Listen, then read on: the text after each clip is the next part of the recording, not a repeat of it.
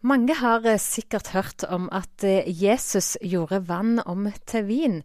Dette skjedde i en eh, by i Israel som heter Kana. Og det er dette stedet det skal handle om i serien Bibelske steder knytta til Jesu liv nå. Prest og reiseleder i Israel, Arne Berge, har vært i byen flere ganger.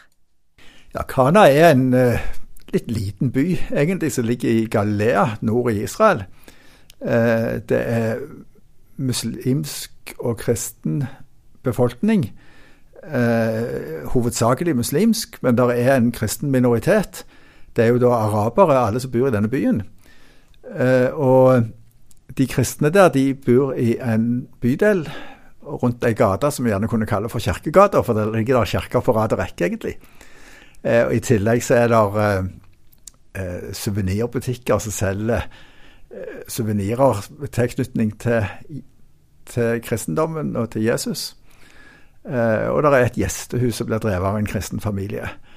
Men dette ligger altså da midt inne i en muslimsk by. Hvordan fungerer det at det er muslimer og kristne som bor på den måten der? Ja, dette er jo i Galilea, og her er det en blanda befolkning av jøder og arabere i eh, Israel. Eh, og den arabiske befolkningen er hovedsakelig muslimsk, men det er òg en kristen minoritet. Og jeg har inntrykk av at i Galilea så lever da muslimene og de kristne araberne relativt fint sammen. Selvfølgelig kan det være gnisninger eh, som oppstår i noen sammenheng, men, men i hovedsak så er dette fredelig, og i forhold til det jødiske samfunnet, så er det mye mindre konfliktfylt enn det vi gjerne hører om i nyhetsbildet. Så hver viser situasjonen i Jerusalem og forholdet mellom eh, Israel og de palestinske områdene på Vestbredden og Gaza. Fra Bibelens tid, hva er Kana kjent som da? Kana er nevnt i Johannesevangeliet i forskjellige sammenhenger. Eh, og spesielt kjent er jo historien om da Jesus gjorde vann til vin i et bryllup. Det var i Kana. Og det er den historien som på en måte de kristne i byen der gjerne løfter opp og holder veldig sånn tydelig og er veldig stolte av. At Jesus gjorde dette viktige underet nettopp i deres by. Og de har eh, bygd opp ei kirke der man tror at eh, vinunderet skjedde.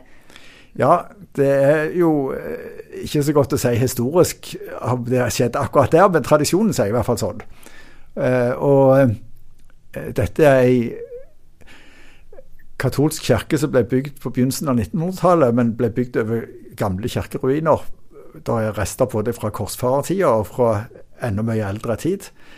Uh, og her ble det da bygd ei kirke som vi kaller for bryllupskirka, og så fokuserer veldig på bryllupet vel så mye som vinunderet, kanskje.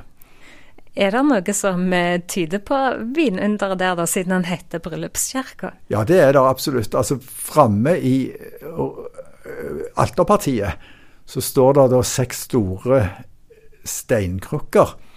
Og det er knytta nettopp til bibelteksten. Jeg kan finne fram bibelteksten her. så Det står om at Jesus gjorde vann til vin. Og det står at han sa 'fyll karet med vann'.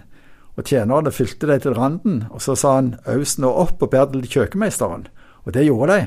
Og kjøkkenmeisteren smaka på vannet som hadde blitt til vin. Og han visste ikke hvor vinen kom ifra, men tjenerne som hadde øst opp vannet, visste det.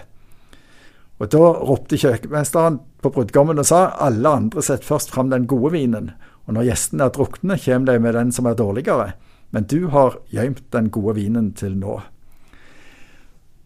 Så disse steinkrukkene de eh, viser nettopp til bibelteksten at det var seks sånne steinkar, og at dette var noe som ble brukt til renselsesskikkene som jødene hadde.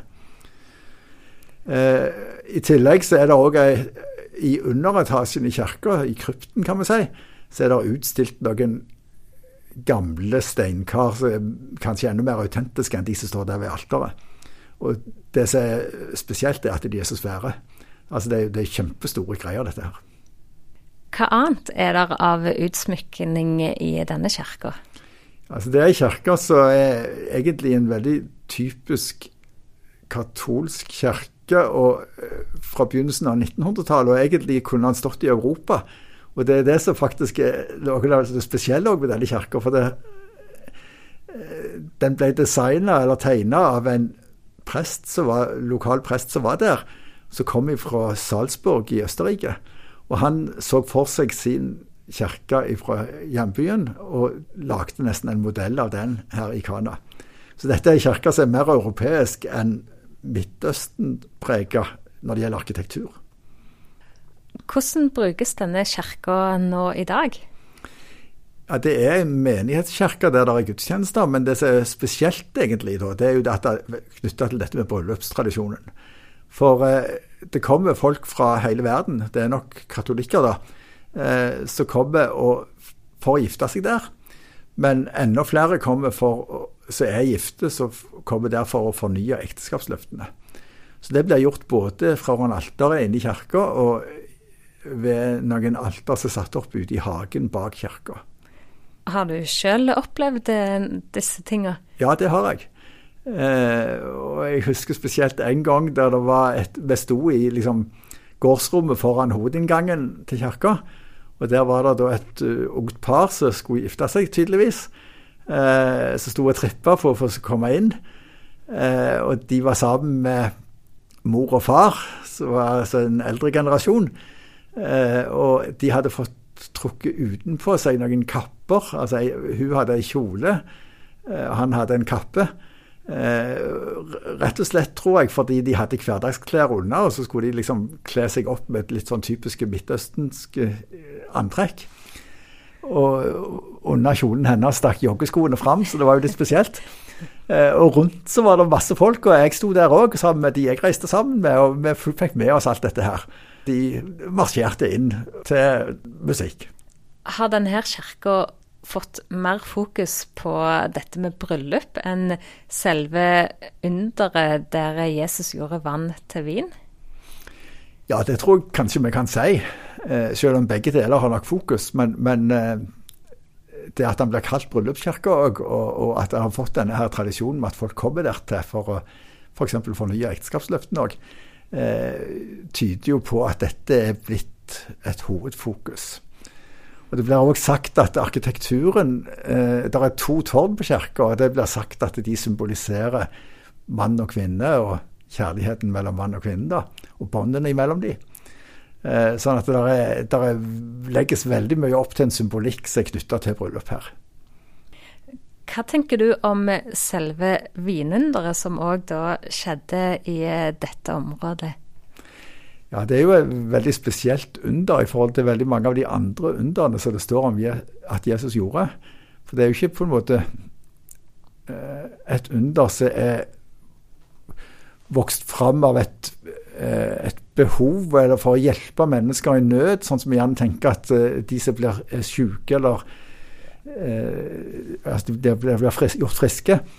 Eh, her er det jo faktisk en situasjon der vi gjerne kan se på det mer som et sånt overskuddsfenomen, at Jesus skaper fest og glede ved sitt under.